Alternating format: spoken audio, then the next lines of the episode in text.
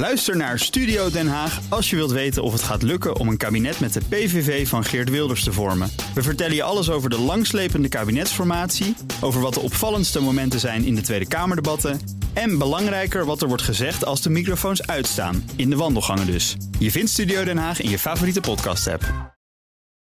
DNR Nieuwsradio. Boekenstein en de Wijk. Hugo Reitsma. Het eindrapport van speciaal aanklager Robert Mueller. This is a CBS News special report. Na bijna twee jaar onderzoek. The special counsel's report Intense speculatie. on Russian election interference. En stilte van de speciaal I aanklager. do have the right to fight back. Eindelijk antwoorden voor Amerika en de wereld. Over de banden tussen Trump en Rusland. The special counsel confirmed that the Russian government sponsored efforts to illegally interfere with the 2016 presidential election, but did not find that the Trump campaign or other Americans colluded in those efforts. a, a win for this president. Trump vindt bewezen For wat hij altijd al zei. has essentially been screaming there was no Russia collusion. Maar is dat ook zo? Maybe every time he said no collusion, he was telling the truth. No collusion, no obstruction.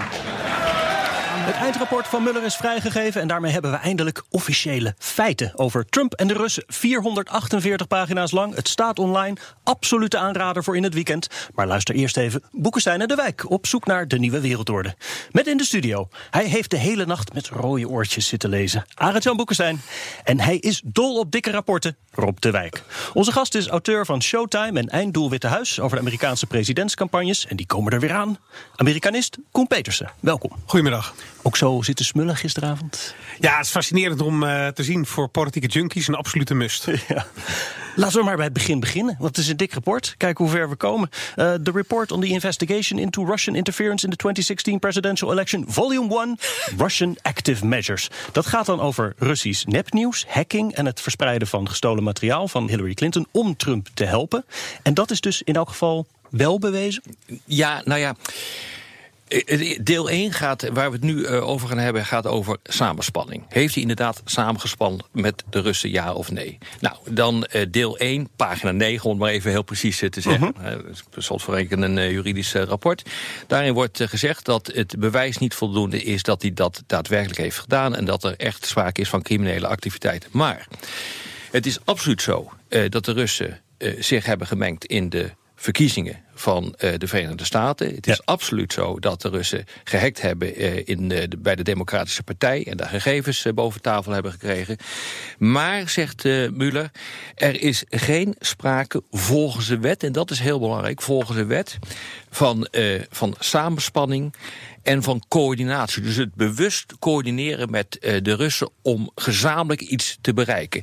Hij, ze wisten ervan binnen de campagne en daarmee dus feitelijk ook Trump. Maar het is niet zo dat er sprake is van een, eh, een bewuste actie, een gerichte actie waarin gecoördineerd wordt opgetreden met een bepaald doel voor ogen. En dat is juridisch eh, wat cruciaal is. Maar wij rond de tafel zouden al vrij snel concluderen, ja dat zal wel. Dat is een juridische interpretatie. Maar wat er is gebeurd is wel echt foute boel. Kortom, het is niet strafbaar, maar hij heeft het wel gedaan. Is Ja, dat ongeveer het de is korte laakbaar. samenvatting? Het is laakbaar en niet strafbaar. Hoe, Daar hoe kijk jij daar op tegenaan? Ja, het is niet, eh, het is niet strafbaar naar de, de, de juridische inzicht van Mueller. En ik denk ook als je naar die strikte definities kijkt dat dat, eh, dat dat klopt. Maar ik denk wel dat je als burger denkt van... Jezus, hoe heeft het nou kunnen gebeuren dat op deze manier... Mhm. met de aardsvijand van vroeger, de Russen... wordt gekeken naar hoe we eh, via de Russen voordeel kunnen hebben... bij de campagne en die presidentsverkiezingen kunnen, kunnen winnen. Ik moet zeggen dat ik Mueller ongelooflijk genuanceerd vind... en eigenlijk heel mild in de beoordelingen daarvan. Hè, bekend voorbeeld wat ook vaak in de krant heeft gestaan... is dat de zoon van Trump met een Russische mevrouw heeft eh, eh, gezeten... om eh, bewijs te krijgen uit het Clinton-kamp... met allemaal e-mails die erg tegen Clinton zouden werken. En daarvan zegt Mueller, ja, het mag eigenlijk niet. Maar ja, die jongen doet voor het eerst mee met zo'n presidentscampagne. Die weet waarschijnlijk dat het niet mag. Bovendien wist hij niet dat het heel waardevol was. Dus het hoort niet. Maar ik... ehm, eh, vindt het niet extreem bezwaarlijk. Terwijl je als je strikt zou zijn, zou zeggen... ja, je hoort gewoon niet met uh, Russen dit soort informatie te krijgen. Want je weet ook als krantenlezer dat het niet deugt. Dus als zoon van Trump moet je dat ook weten. En je weet ook dat e-mails die beschadigend zijn... uit het hart van de Clinton-campagne... voor zijn campagne verschrikkelijk waardevol zijn. Die campagnes kosten een miljard om uh, te runnen. Ja, of je die miljard terugverdient of niet door het Witte Huis te winnen... is ongelooflijk waardevol. En uh, dat je dat op deze manier afdoet, vind ik heel mild van Mueller. Misschien is het strikt waar, maar voor de krantenlezer ook weer niet altijd even begrijpelijk. Ja, we zitten volgens mij nu in hoofdstuk 4, links to and contact with the Trump campaign. 15 contacten heeft Mueller beschreven. Arjan, wat heb jij daar uh, uitgehaald? Weet je wat hartstikke interessant is? We moeten eigenlijk een heel groot compliment maken aan de, aan de bestaande Amerikaanse journalistiek. Want heel veel van wat ik daar las, wist ik al van de ja. New York Times en. Washington Post. Ja. Ja. En dat is altijd dat is wel belangrijk om die vast te leggen, want die worden altijd zwart gemaakt als totale linkse Toch idioten, geen fake nieuws. Maar dat was dus geen riep. fake nieuws. Er zitten wel wat nieuwe dingetjes nog in over de, dat, dat, verhaal over Donald Trump Jr. Dat gaat nu nog wel een stukje verder. Hè. Dat, hij dus niet alleen met Wikileaks contact had, maar ook actie daarop ondernam. Hè. Dus dat, is, dat was wel heel damning. Wat ik het meest interessante vind is, nogmaals het eerste punt. Hè. Het hele rapport gaat niet over collusion. Dat is geen juridische term. Maar ten aanzien van obstruction of justice, wat natuurlijk wel impeachable is. Daarvan komt dan dus die cryptische redenering hè, van, van uh, uh, Muller. Uh, wij kunnen, de, als wij vonden dat de, de president hiervan vrijgepleit had kunnen worden... dan hadden we dat opgeschreven. Maar het ging even om de vraag van... wat zijn nou die specifieke contacten uh, geweest die er zijn geweest? En dat zijn er heel, veel. heel erg ja. veel geweest. En dan uh, weten we nog niet eens alles, hè? Want die van Roger Stone met Wikileaks... dat is allemaal uh, zwart gemaakt, omdat dat nog een lopende rechtszaak Maar het begon is. natuurlijk gewoon met die George Papadopoulos. die zei van, ja. ik heb wat. En dat is trouwens via een buitenlandse regering... is dat tot, tot de autoriteiten in, in Washington gekomen. Carter Page. Uh, de, en, ja. en voor, voor, Carter Page is inderdaad een prachtig uh, voorbeeld. Manafort is een voorbeeld. Er zijn allemaal voorbeelden dus uh, gegeven in dat rapport. Vrij, in, in vrij groot detail. Het voert echt te ver om daar nu op in te gaan. Waaruit duidelijk bleek dat het directe contacten waren. En wat hmm. ik dus gewoon niet begrijp... en daarom vind ik dit ook zo laakbaar wat hier aan de hand is... als je dus wist dat die inmenging gaande was... Waarom heb je daar geen punt van gemaakt tijdens uh, de presidentscampagne? Dat je had gezegd van oké, okay, ik weet dat dit uh, gebeurt. Ik vind het onacceptabel. Op dat moment was hij gewoon een aanvaardbare president uh, geweest. Ja.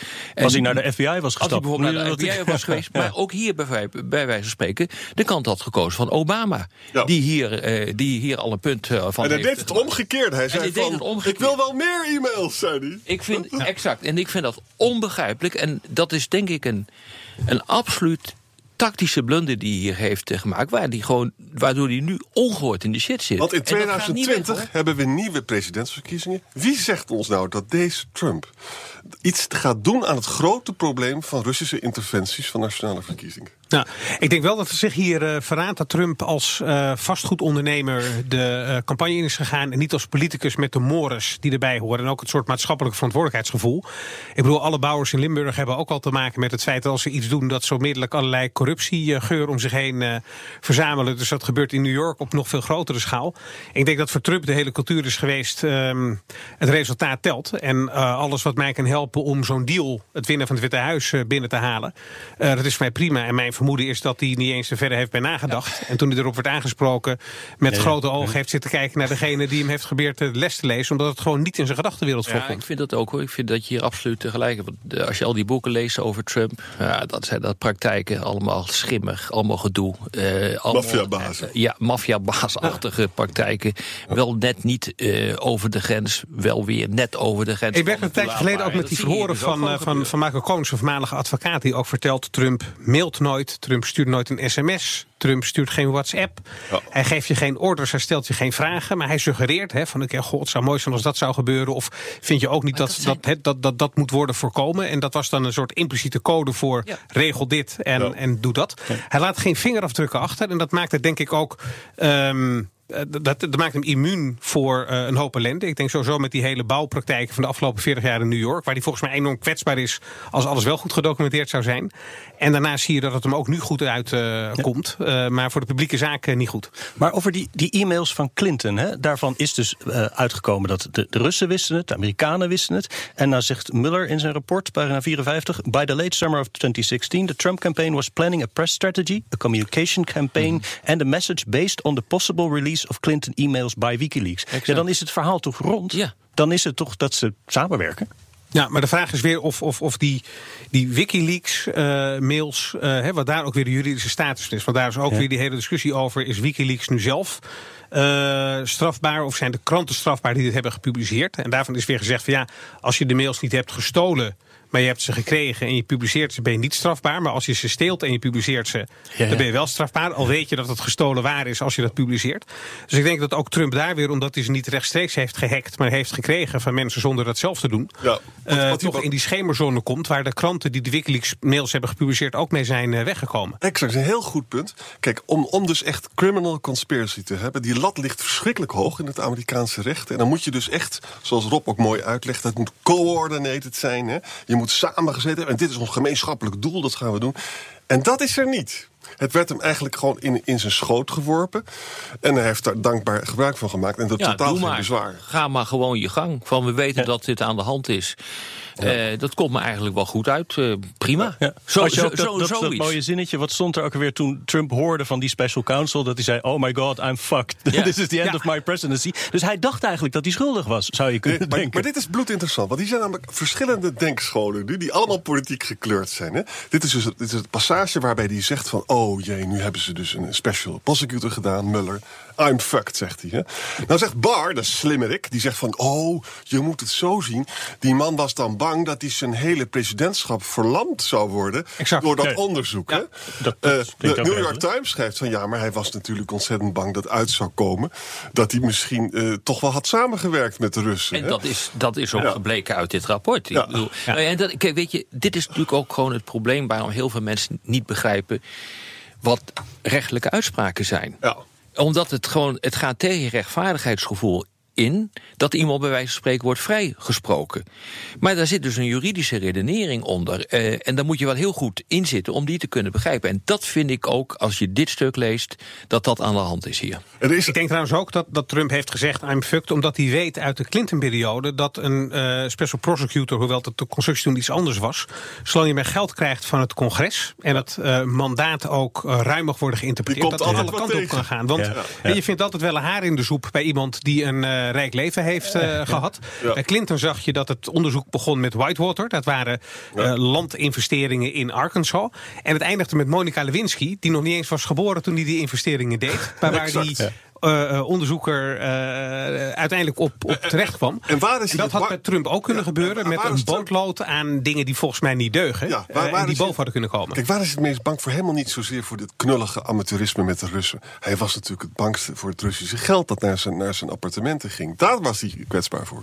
Straks misschien wel de gevaarlijkste aantijging tegen president Trump: obstruction of justice. BNR Nieuwsradio. Boekenstein en de Wijk. Op zoek naar de nieuwe wereldorde. Dit is Boekenstein en de Wijk. En dat programma is natuurlijk niet zonder Arjan Boekenstein en Rob de Wijk. Mijn naam is Hugo Reitsma en onze gast is Amerika-deskundige Koen Petersen. Wij zijn aangekomen bij The Report in the Investigation into the Russian Interference 2016 Presidential Election van Special Counsel Robert S. Mueller III, Volume 2, Obstruction of Justice. En dat is een misdaad. Rob, wat ja, zegt Mueller daarover? van de rechtsgang eh, noemen we dat uh, in, uh, in het Nederlands. Uh, nou ja, even weer, uh, net als uh, zo net, precies even kijken waar het staat. deel 2, pagina 6, ga er naartoe. en pagina 8 is trouwens ook heel belangrijk, want wat daar staat is dat hij, en ik vind dat eerlijk gezegd ook wel een sleutelzin van het hele rapport. Als wij en dat zegt Muller, als wij tot de conclusie waren gekomen... door het enorme onderzoek wat we hebben gedaan... dat de president onschuldig was, dan hadden we dat wel gezegd. dat staat daar dus letterlijk. Nou, dat is een hele belangrijke. Met andere woorden, hij is dus wel degelijk uh, verdacht van uh, het, tegen, uh, het tegengaan van, van een juiste rechtsgang. Maar waarom is hij dan niet aangepakt? En dat is heel erg interessant. In de eerste plaats zegt Muller, nou, er is een, eigenlijk een soort ja, gewoon terecht ontstaan binnen, uh, de Amerikaanse, binnen het Amerikaanse recht. Dat de zittende president niet kan worden aangepakt. Daar kun je van alles van vinden, maar dat is al een halve eeuw zo. Dus dat gaan we dus ook maar niet doen. Maar er is een heel ander, uh, ander belangrijk punt bij. Als je hem wel zou aanpakken, dan wordt, dat zijn mijn uh, woorden, het land eigenlijk onbestuurbaar. Uh, dan, dat is ook vrij technisch en vrij juridisch hoe dat wordt geformuleerd. Maar dan kan hij eigenlijk bijvoorbeeld zijn taak niet meer uitvoeren van opperbevelhebber van de krijgsmacht. dus je zit met een geweldig probleem en je stort het land in een soort politieke chaos. En dat is precies wat hij niet wil. En daarom zegt uh, Muller, uh, we gaan dus niet zo ver dat we hem beschuldigen. Dat zegt u ook letterlijk.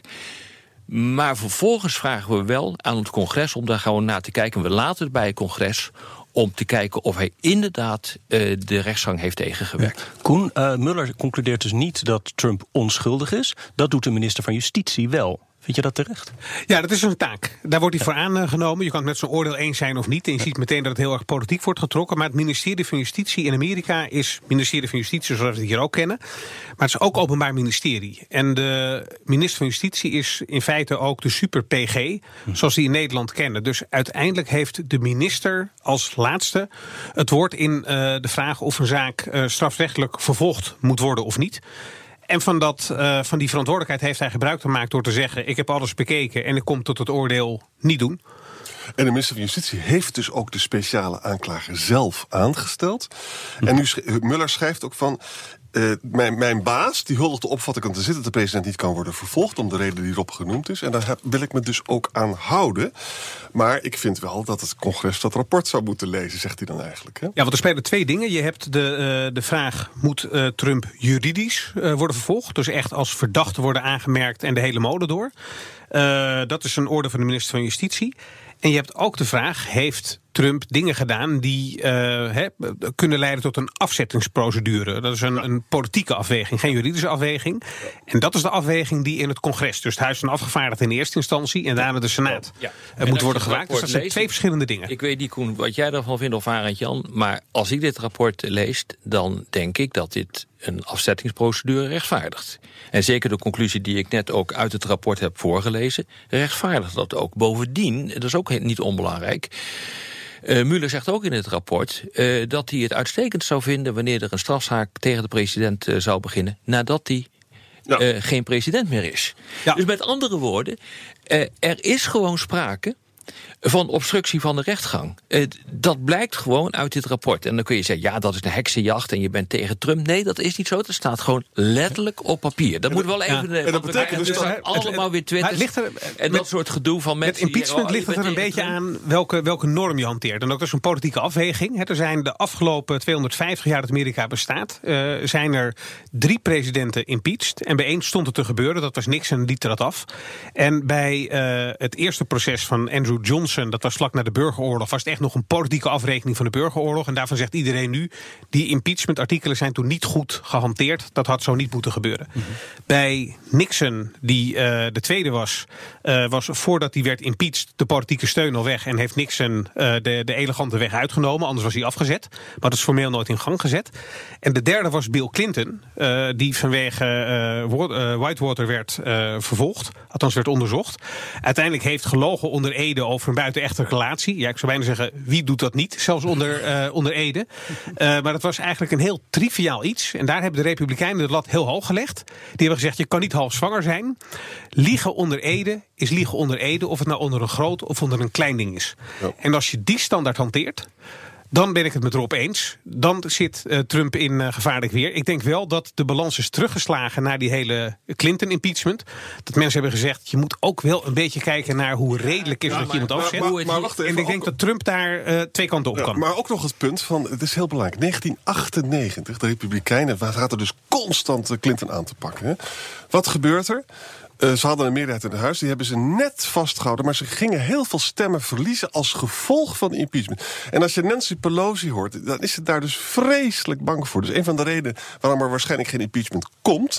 is omdat de democraten uh, A, verdeeld zijn... maar B, ook denken van het zou wel eens onze stemmen kunnen Ik denk dat je daar gelijk ja. in hebt, Arend Jan. En uh, ik ja. denk dat Trump wel moet vrezen dat wanneer hij of niet herkozen wordt... dus over twee jaar of misschien over zes jaar... dat hij gewoon de bak indraait. Ja, dus moet de president president blijven. En dus moet hij nog meer hyperbolen media en jagen... En, en zorgen dat hij nog een keer termijn krijgt. Ja. Want al deze dingen die dus nu in het rapport staan... en niet tot vervolging leiden... dat kan achteraf na zijn presidentschap ja, ja, wel? Hij kan strafrechtelijk worden vervolgd na zijn presidentschap. Expliciet wordt dat gezegd in het, uh, in het dus rapport. hij is nog steeds fact, om zijn eigen woorden te gebruiken. Ik, zou niet, ik zou niet graag in zijn schoenen willen staan. Hoor.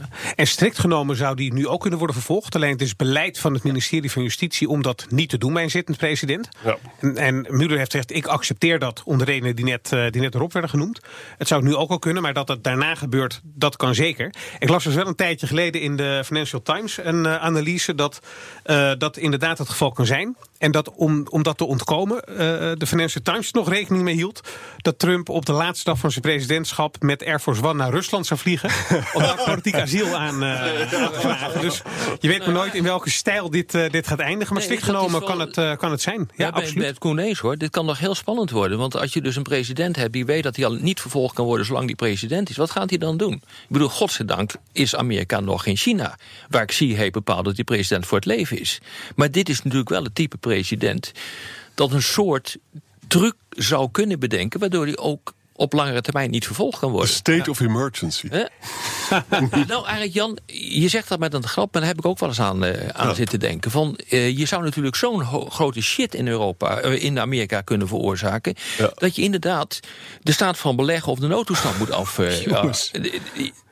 dit, dit, ja, ik zie jullie allemaal lachen. Nee, maar er wordt ook geschreven. Het is niet vreemd. Nee, dat zou niet echt verbazingwekkend zijn. Dat zou natuurlijk vreselijk zijn als dat gaat gebeuren. Maar het zou me niet verbazen. Ja, daarvoor heb je natuurlijk nog een campagne... die eigenlijk al een beetje aan het begin is, Koen. En daar zit jij heel goed in. Hoe denk jij dat, dat de, dit rapport daar een rol in gaat spelen? Trump kan nu blijven roepen no collusion. Dat is natuurlijk een duidelijke boodschap. Heeft hij hier voorbeeld, voordeel bij? Ik denk uiteindelijk dat Trump hier politiek gezien het meeste voorbeeld bij heeft. Uh, ik denk dat de uh, Republikeinen hun mening niet gaan veranderen... en dat de, de Democraten hun mening ook niet gaan veranderen. Boek de kiezers dus, dus mee. Maar ik denk wel dat Trump aan zijn achterban laat zien... ik heb gelijk. Er wordt geroepen door de linkse media dat ik schuldig ben. Ik ben onschuldig. He, die mensen lezen dat rapport niet, dus die geloven ook wat Trump er daarna over tweet. Maar het past ook in een beeld dat Trump heeft geschetst dat de elite tegen hem is. En dat hij tegen de elite strijdt om voor de gewone man op te komen. En dit is dan weer een voorbeeld. De media hebben het gedaan. De juristen hebben het gedaan. Het establishment in Washington heeft het gedaan. Iedereen is tegen hem, terwijl hij bezig is om voor die normale Amerikanen banen te creëren. Ja, en dit past in die narrative. En, en, en by and large kun je zeggen dat hij daar wel een punt mee kan maken.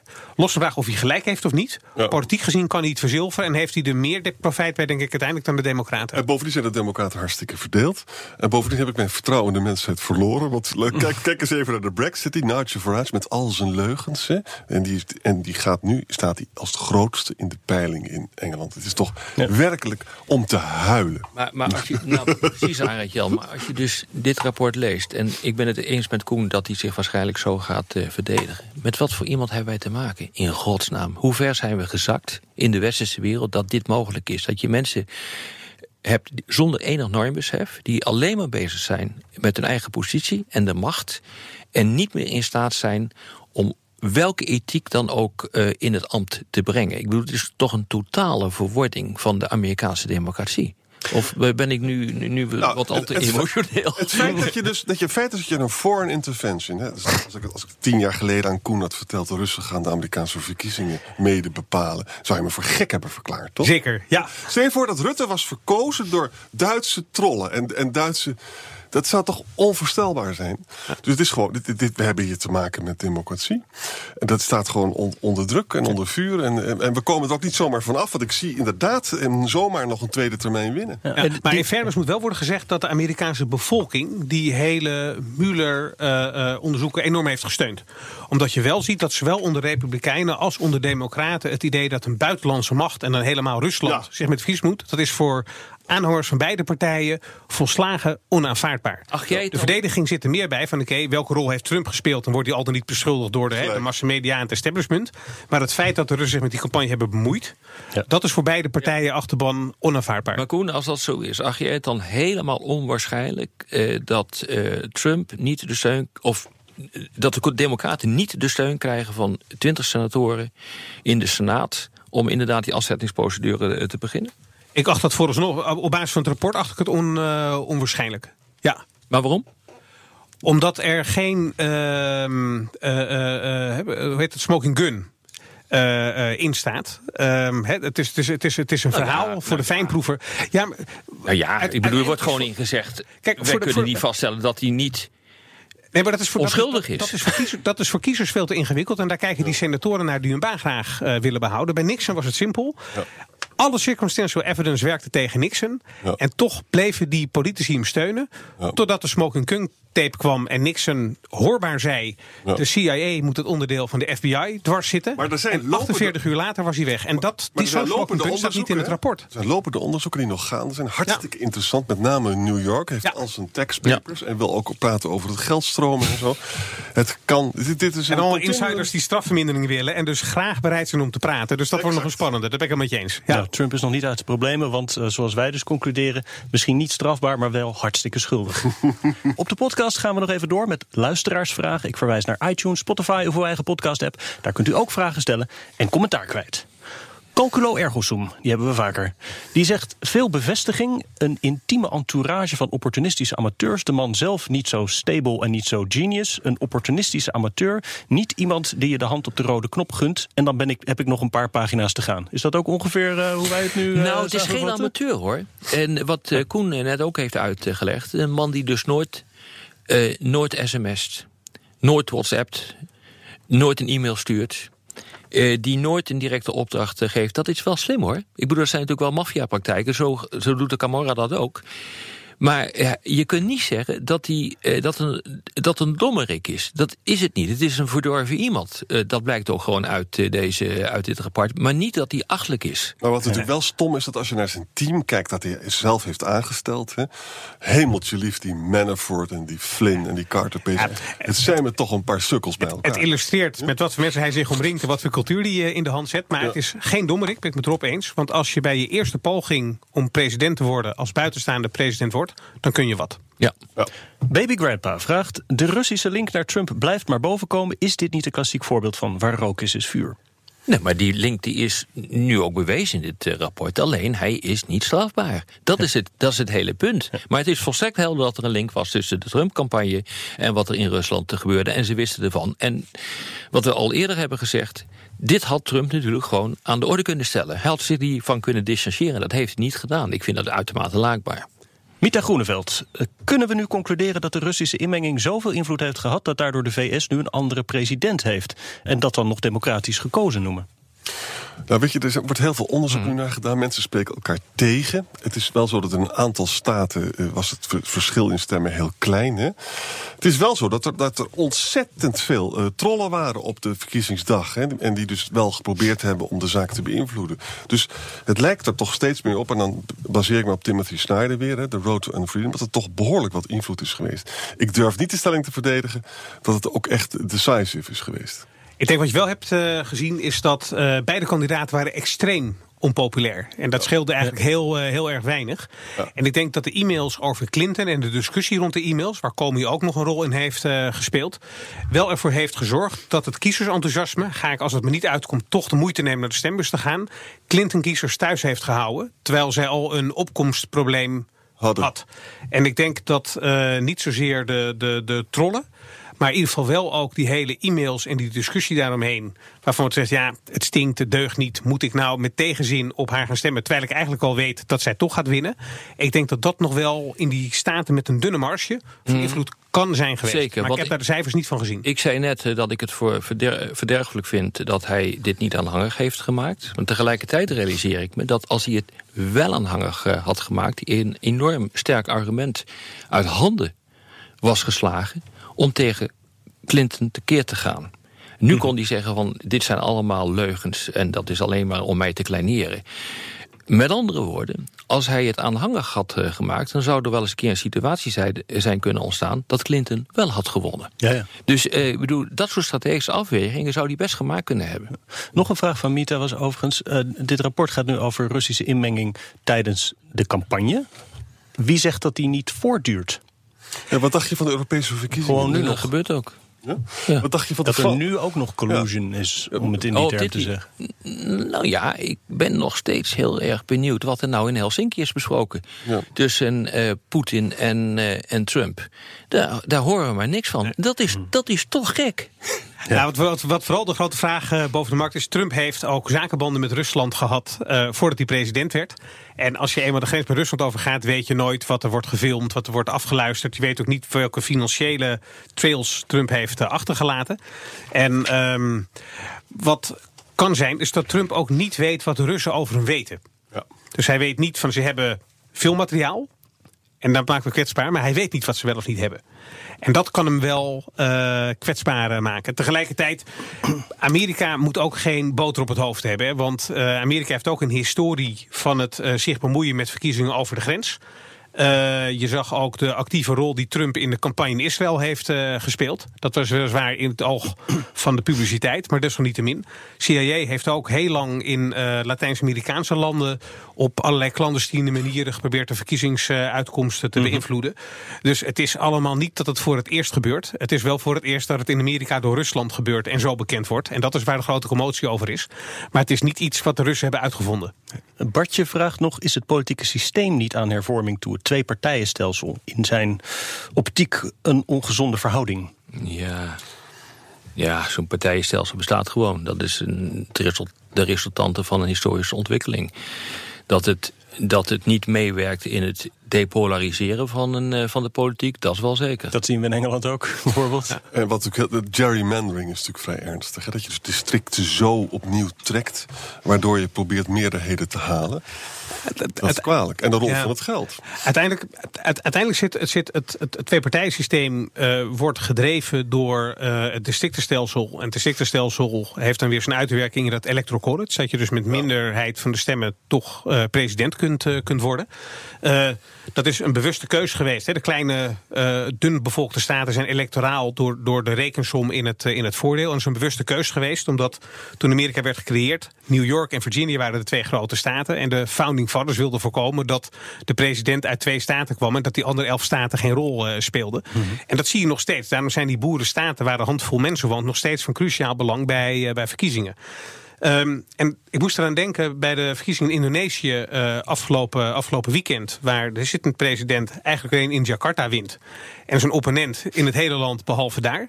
En in Jakarta worden de verkiezingen beslist. En de vraag is wel, vind je dat goed of niet? Ja. Dan kun je voor beide valt de redenering op te zetten. Maar in Amerika is door de founding fathers de keuze gemaakt. Alle staten tellen mee. En daar zie je nu de gevolgen van. Maar het is maar vijf keer gebeurd in de totale geschiedenis dat een kandidaat die niet de meerderheid van had, niet de meeste stemmen had, toch president werd. Dus eigenlijk valt het ook allemaal wel weer mee. Sluiten wij af met de belangwekkende vraag van Sevan. Is Trump echt ondergezeken in een hotel in Rusland? Nou ja, daar, daar, zegt, eh, daar zegt Muller wel wat over. Hij zegt dat staat dat in niet bewezen is. voetnotes, Zo simpel is dat. Nou, dat dan weer niet. Right. Dit was daarmee weer Boekenstein en de Wijk. Namens Arjan Boekenstein en Rob de Wijk zeg ik dank voor het luisteren. Speciale dank aan Koen Petersen. En tot volgende week. No collusion.